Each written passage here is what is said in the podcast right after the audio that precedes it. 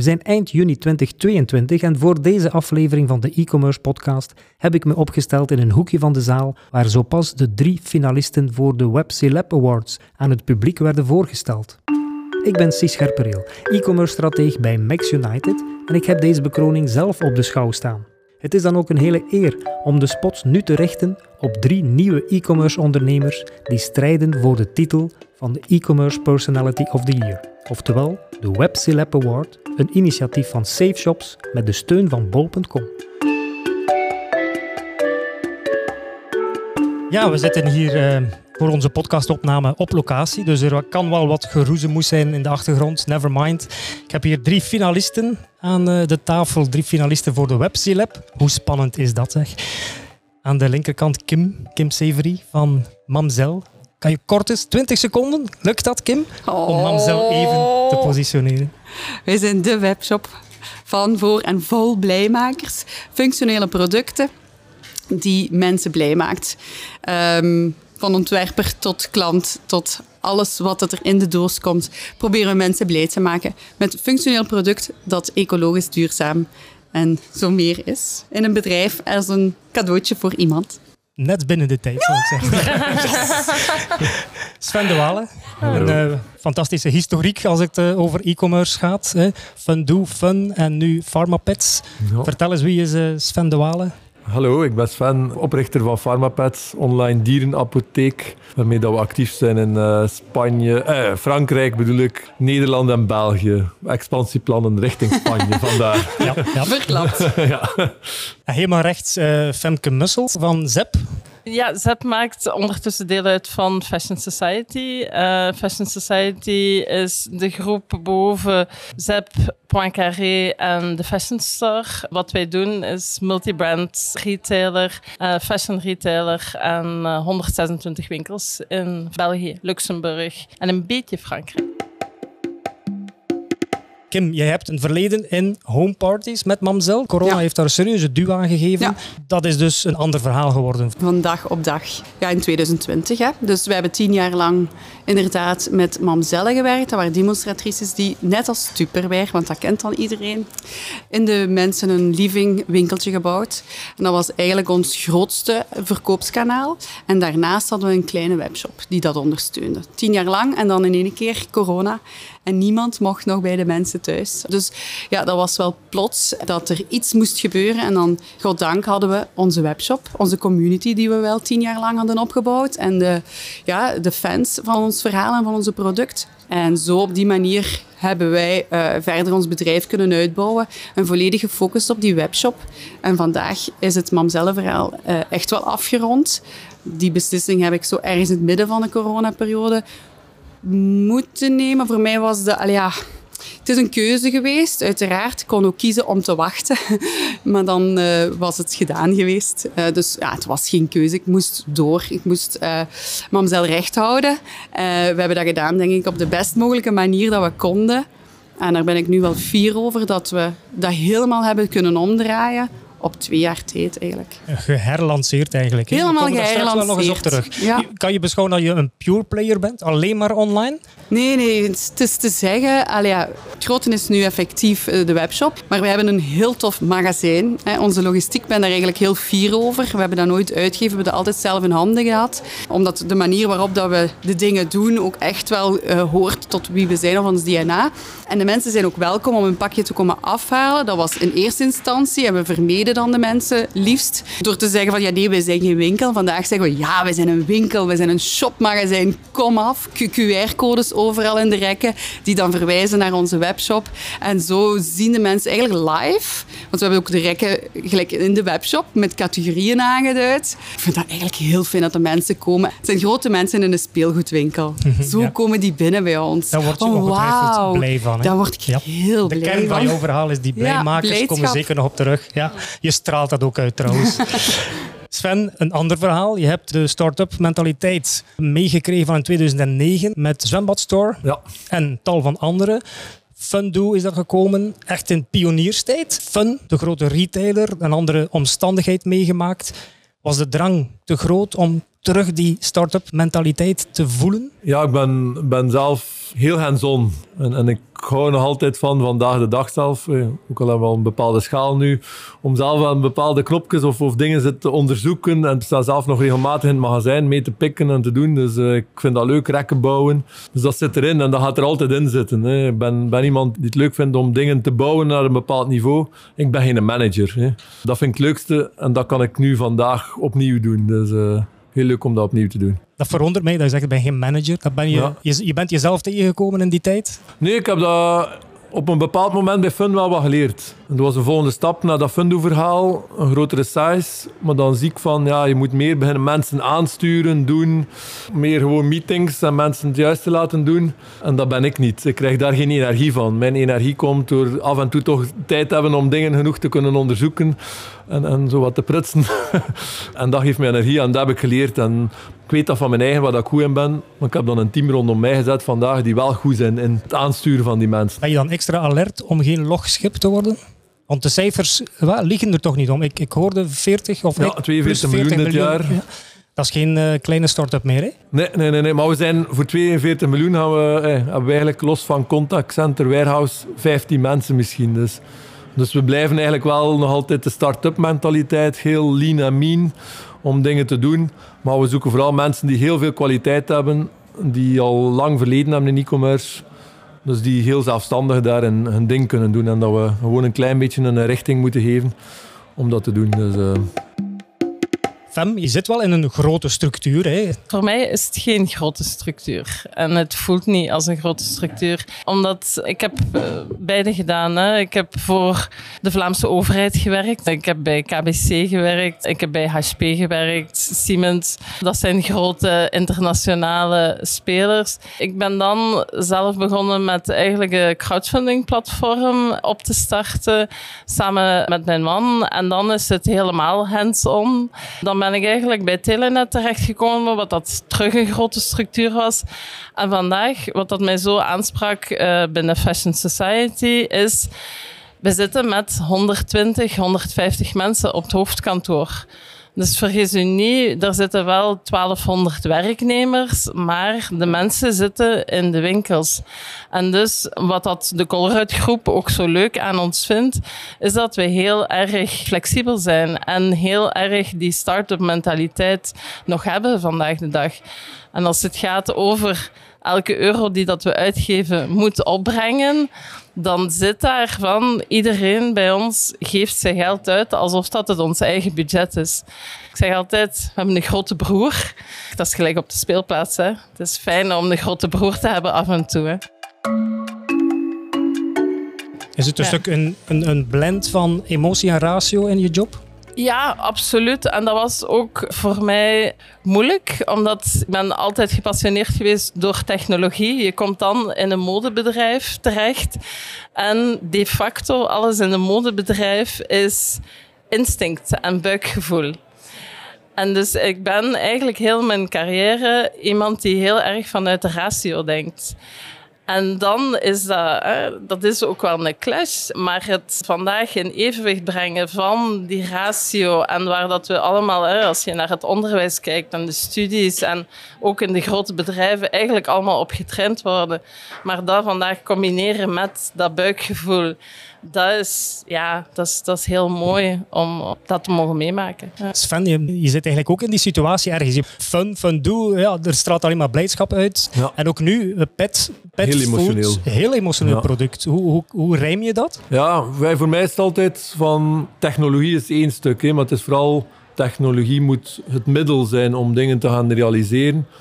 En ik denk dat ik er goed in slaag om mijn technologische kennis te gaan gebruiken van hoe kan ik daarin de klant dan gaan helpen. En, en doordat je die twee hebt, eigenlijk, dat je nog veel sterker bent. Dus je denkt wel vanuit de klant, maar je denkt ondertussen denk ook al semi, hoe ga ik dat hier gaan implementeren en doen? En dat kan ik zo verbinden en dat kan ik zo doen. Sommige stukken gaan, gaan gewoon automatisch.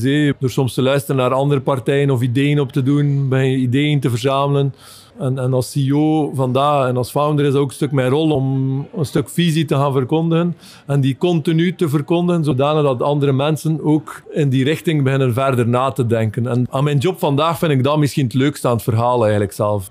Kim, als we het over blijheid hebben, dan ben je daar een exponent van. Met het merk dat je gecreëerd hebt of dat je geherlanceerd hebt eigenlijk. In welke mate werkt het aanstekelijk om zo'n team ook mee op de rails te zetten en dat enthousiasme ook bij iedereen te krijgen? Dat dat, zodanig dat dat echt bijna de merkidentiteit is geworden dat is ook zo. Of andere mensen merken ons op die manier op. En voor mij is dat eigenlijk een heel natuurlijk iets. Een heel normaal iets. Ik weet dat zelfs niet dat we dat aan het doen zijn. Zo. Dat wil zeggen dat dat heel oprecht is. En dat is ook zo. Ik kan van uh, een vis een heel schone vis maken. Waar iedereen verliefd op wordt. Uh, door mijn enthousiasme. En dat is ook iets waar ik goed in ben. Van een saai proces een feestje te maken. En uh, blijkbaar is dat niet iedereen gegeven. Dat heb ik ook dan geleerd, dat dat toch wel een, een talent is.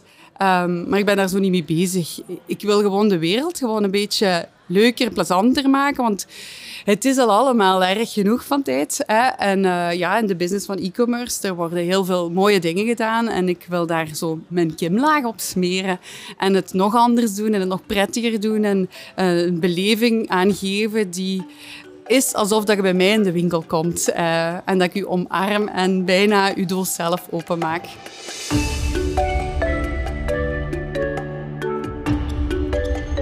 Luister je deze podcast tussen juli en begin oktober 2022, weet dan dat je op Kim, Femke of Sven kunt stemmen.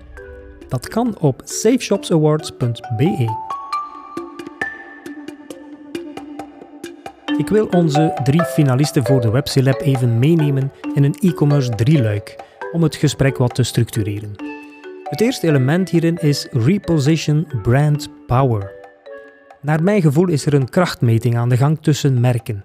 Is bol.com een merk dat boven de retailer staat die daar verkoopt? Of is Adidas, het schoenmerk dat via de retailer verkocht wordt, het dominante merk voor de consument?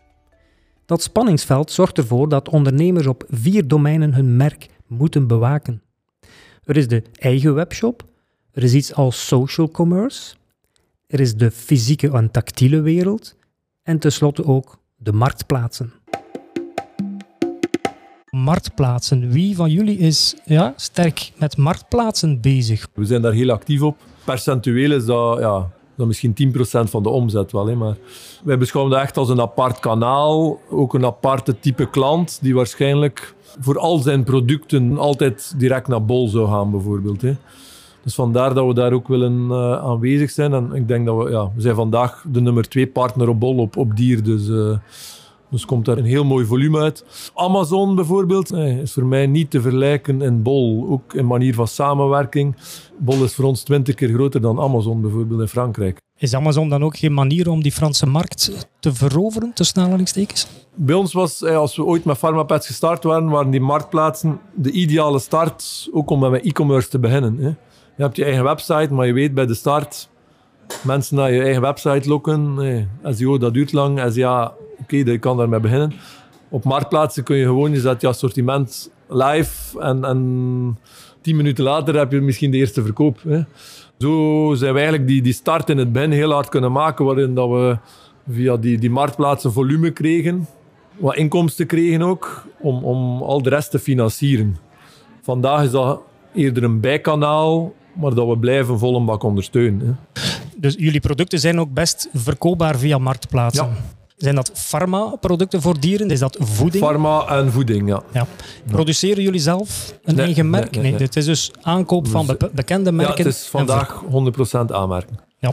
Hebben jullie plannen om een eigen merk te krijgen? Absoluut. Volop uh, op aan het werken. Dus, uh, dus in het najaar zal dat, uh, zullen er een aantal eigen merken gelanceerd worden. Een aantal eigen producten gelanceerd worden. Interessante piste. Ja, marktplaatsen. Ik kijk naar Kim, Femke. We hebben sowieso ook getest. Um, uh, zowel bol.com, Zalando, uh, Amazon. Ja, voor ons is het geen onverdeeld positief verhaal. De VP is ook een test die dat we gedaan hebben, maar we houden wel de vinger aan de pols. We zitten natuurlijk in een iets andere positie, in de zin dat wij een multi-brand fashion retailer zijn. Dus de marge hè, speelt daar natuurlijk ook wel een belangrijke rol. En voor ons is het heel erg, hè, ik kom terug op die rentabiliteit. Ja, elke euro die dat we investeren, als we vandaag die stok via onze eigen kanalen uh, kunnen verkopen, ja, dan is dat voor ons nog altijd wel een positiever verhaal dan dat we het via een marktplaats gaan doen. Nu, de testen die dat wij in het buitenland gedaan hebben met Zalando, was ook natuurlijk retour-wise is dat Duitsland bijvoorbeeld. Allee, ik hoef daar geen tekening bij te maken, denk ik. Ja, dat werkt niet voor ons. Allee, dan uh, zelfs als dat jouw eigen collecties zijn, is dat geen positief verhaal. Maar dat betekent niet dat wij gesprekken hebben met alle partijen en dat we absoluut wel een vinger aan de pols houden van waar gaat het naartoe.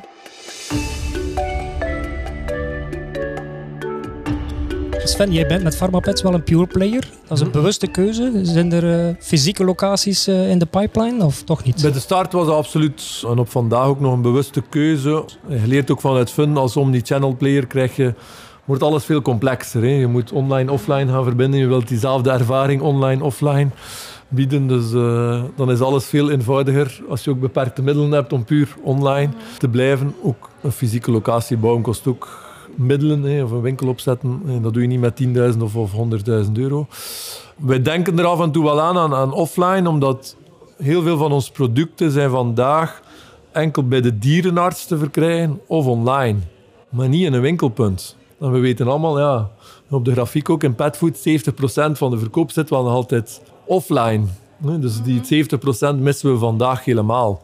Als we dat doen, dan willen we natuurlijk niet een zoals een Tom Co eruit gaan zien. We willen dat echt dan vanuit ons, onze medische, veterinaire identiteit gaan doen.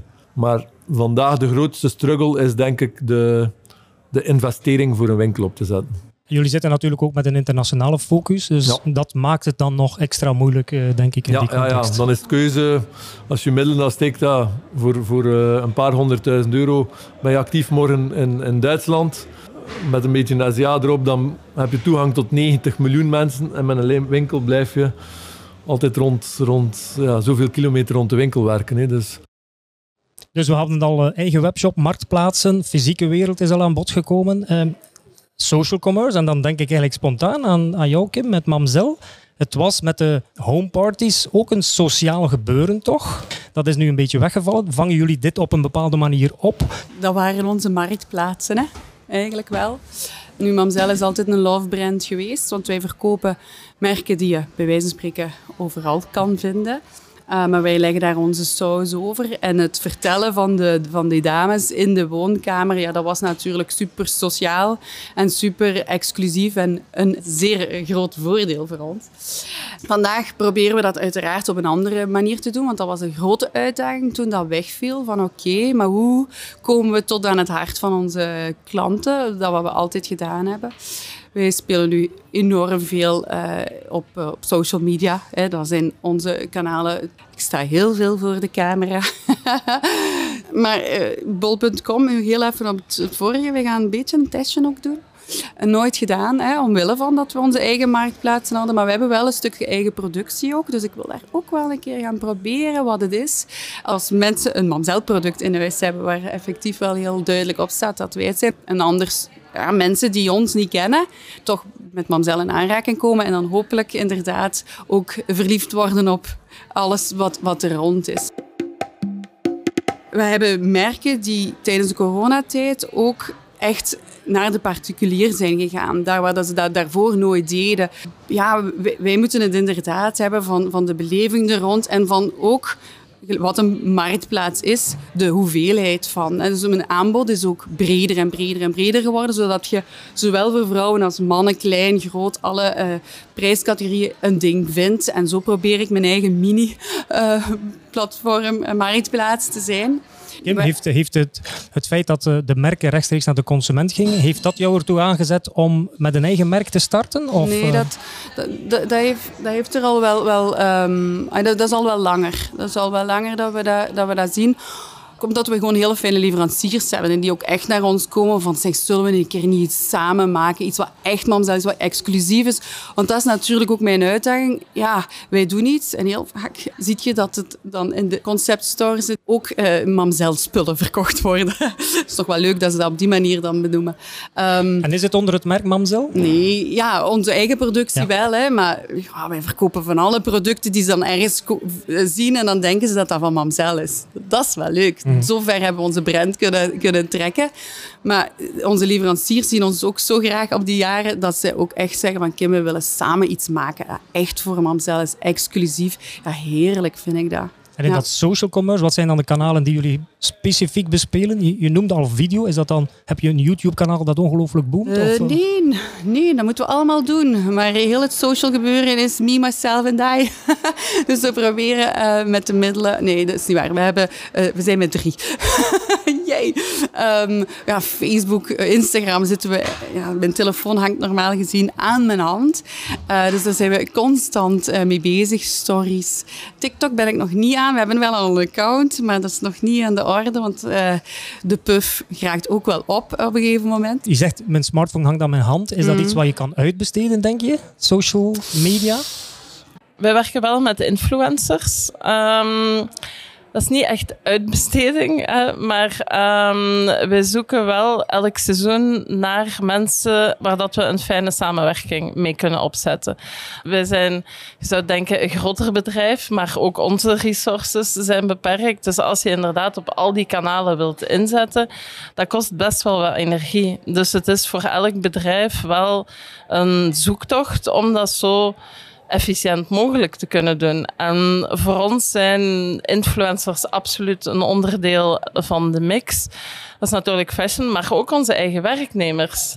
Een van onze best bekeken TikTok-filmpjes was eigenlijk onze winkelmedewerkers die, een, ik durf het zelfs niet helemaal te omschrijven, maar ze gaan eigenlijk gewoon naar beneden en ze komen terug naar boven. Was ergens een ah, trend op TikTok. En ja, dat heeft geweldig goed gemarcheerd. En dat is een geef filmpje wat dat duizenden euro's kost. Dat zijn mensen in de winkel die dat even opnemen en voilà, that's it. Het moet van binnenuit dus, komen. Hè? Ja, en het moet wel die link hebben met waar dat we voor staan. Ja. Eerste leuk, reposition brand power. Dat hebben we gehad.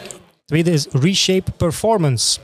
Wie heeft specifieke logistieke uitdagingen om dat radarwerkje achter de schermen echt wel gesmeerd te doen verlopen? Wie kan daar de vinger op leggen van kijk, daar moeten we nu heel kort op de bal mee bezig zijn? Sven, hoe zit dat met jou? Jullie ehm, hebben zaken in voorraad staan of net ja, niet? Ja, we hebben heel veel producten. We hebben een warehouse van 4500 vierkante meter in België.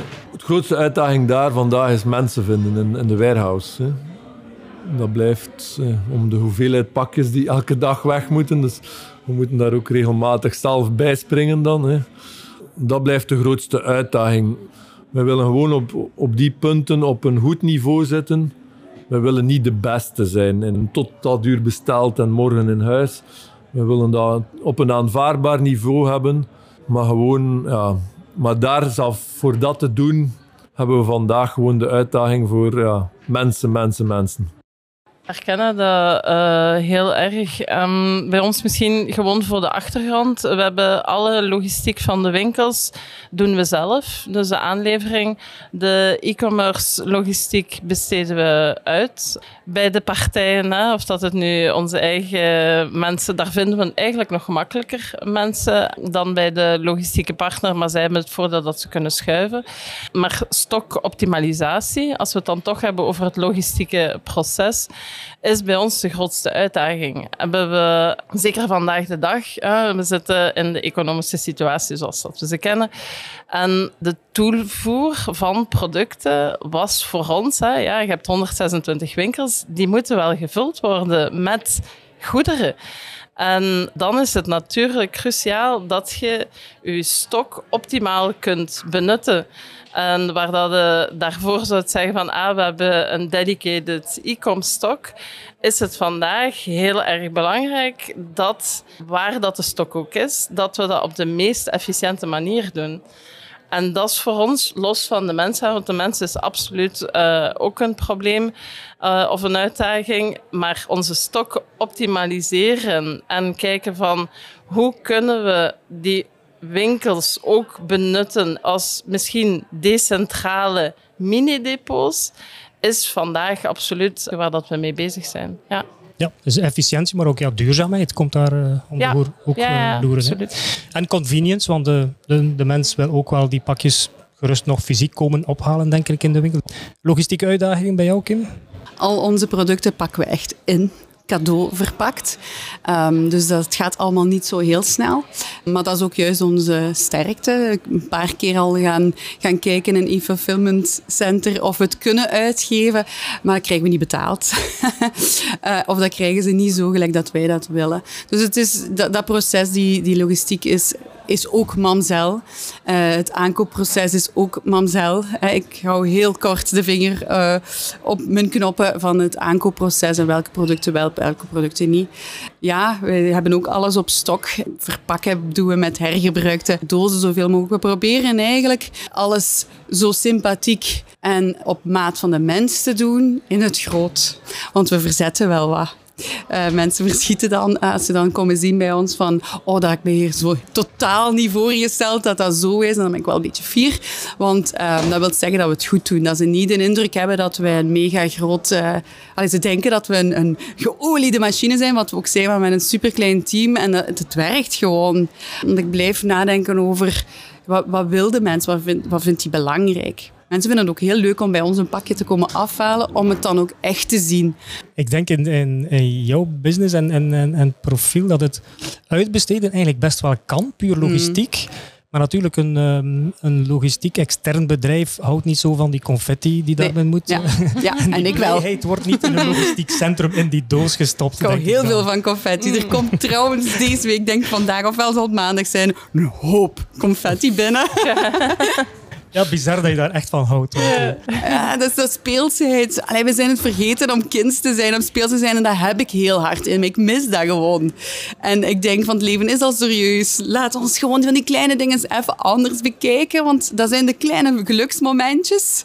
Mensen die een dood, die sturen dat dus ook op een story. Maar oh kijk, hier ben ik nu blij van geworden. Dank u, mamzel. Ja, meer moet dat toch niet zijn? Dan denk ik ook, als ik dat vertaal naar logistieke arbeid, hè, mm. dat is alweer heel rationeel, um, dat dat misschien wel net de ziel is van ja. het bedrijf ook. Dat, de, de, ja. die, dat broeinest, dat, ja. dat de bijennest.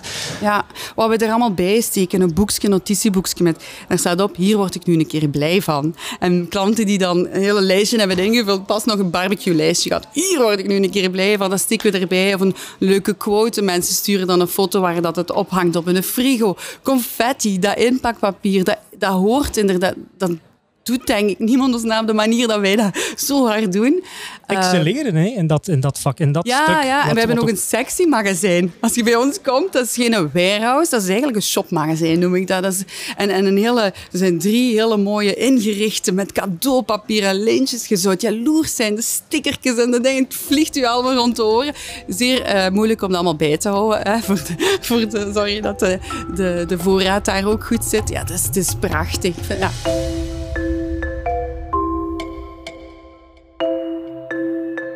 Je maakt vanzelf eigenlijk een, eh, een, link naar het derde topic, wat ik benoem Remember Me. Me is dan natuurlijk de consument en member slaat niet op herinner mij, maar maak mij member van uw merk. Hè. Maak mij sterk verbonden met uw merk. Ga even naar, naar, naar ZEP, personal shopping, personal styling. Dat zijn twee formules die jullie ook aanbieden via de site. Het speelt zich op zich niet af op de website. Het is een incentive om naar die winkel te komen. Werkt dat goed op dat vlak? Verbindt dat de consument met het merk? Absoluut. Dat is ook, we hebben dat ook gezien tijdens corona, dat dat heel belangrijk is voor de mensen om net de voeling met het bedrijf te blijven houden. En we hebben een personal shopper. Zij was eigenlijk de eerste, dat is uh, Evelien. En zij heeft ook heel dat traject meegetrokken en gezorgd van, en ook de feedback van de klanten. Want vergis u niet, als zij zelfs online de um, gemiddelde aankoopwaarde van personal shopping experience was echt in de verschillende honderden euro's. Wat dat allee, echt wel uh, far above average uh, basket value is. En dus voor ons is dat ook een hele leuke manier om samen met de klant te ontdekken wat dat zij leuk vinden. Los van, je hebt daar allemaal rationele tools voor en NPS en metingen en conversie en whatever. Maar face-to-face, en dat is ook bij onze customer panels, horen van klanten van kijk, daarom ben ik blij voor ZEP uh, of om bij jullie te kopen, is een hele fijne. En we hebben ook het concept ZEP for Everyone. Het winkelen voor mensen die minder valide zijn of het moeilijker hebben in een normale winkel. Onze winkels zijn uitermate geschikt. We hebben ook onze medewerkers echt blinddoeken opgedaan om hun de ervaring te geven van wat is dat nu? Wat is dat nu als je in een winkel komt en je zit in een rolstoel? Of wat is dat als je blind bent? Wat is die beleving dan? En zo proberen we op eigenlijk alle aspecten van ja, de shoppingervaring te zorgen dat we daar de best mogelijke ervaring van maken. Jullie hebben natuurlijk het voordeel, 129 winkels, 129 teams die direct face-to-face -face contact hebben met die klant. Bij jou, Sven, 126, dat... anders krijg ik naar mijn voeten. Ga iets te snel. Sven, je, hebt, je bent een pure player. Hoe, hoe, vang jij dat soort dingen op? Wij willen dat voornamelijk gaan doen vanuit eh, de dierenarts. Dus waarbij je heel eenvoudig een dierenarts kan gaan contacteren. Vandaag de dag is dat per e-mail. We gaan er nu chat aan toevoegen en zelf videoconsultaties of video telehealth waar je gewoon kan boeken een afspraak met een, een dierenarts. En op die manier willen we ja, die klant die toch nog een vraag heeft of zo, die twijfel wegnemen. Hem helpen om het leven van zijn hond of kat beter te maken, wat onze missie is. En dat gaan we nu testen. We zijn daar net aan de beginfase van. Om dan te zien, als we zien terug, zoals jij aangaf, van, we zien daar een uplift in, order value of, of een groot ding. En ons zal dat eerder zijn, zien we vooral daar een grotere retentie van die klant. Dan gaan we daar massaal op inzetten en gaan we ook massaal mensen proberen door te sturen. Tweede luikje dat we nog aan toevoegen, een net een niveautje daaronder misschien, is dat mensen gaan kunnen een gepersonaliseerd vet-petplan dus je vult een aantal gegevens in van je hond of je kat. En op basis van daaraan gaan we al zeggen, voeding zouden we dit voorstellen. Let op, bij die type ras of bij die type hond moet je extra supplementen geven. Dus ook al daar een eerste soort begin om het veel verder te doen gaan dan puur transactioneel e-commerce, maar echt een relatie op te bouwen met die klanten. Jullie uh, gebruiken Dot Digital, dacht ik, als ik het goed gezien heb. Dat is uh, marketing automation. Uh, vandaag wel, we zijn net aan het overschakelen. Dus, ja, dus, ja. Maar goed, marketing automation in het algemeen. Er hangen een aantal tools achter de schermen die dingen regelen. Ja, we, hebben een aantal klassieke tools. Uh, Zendesk voor klantenservice. En dan heb je het CRM-systeem.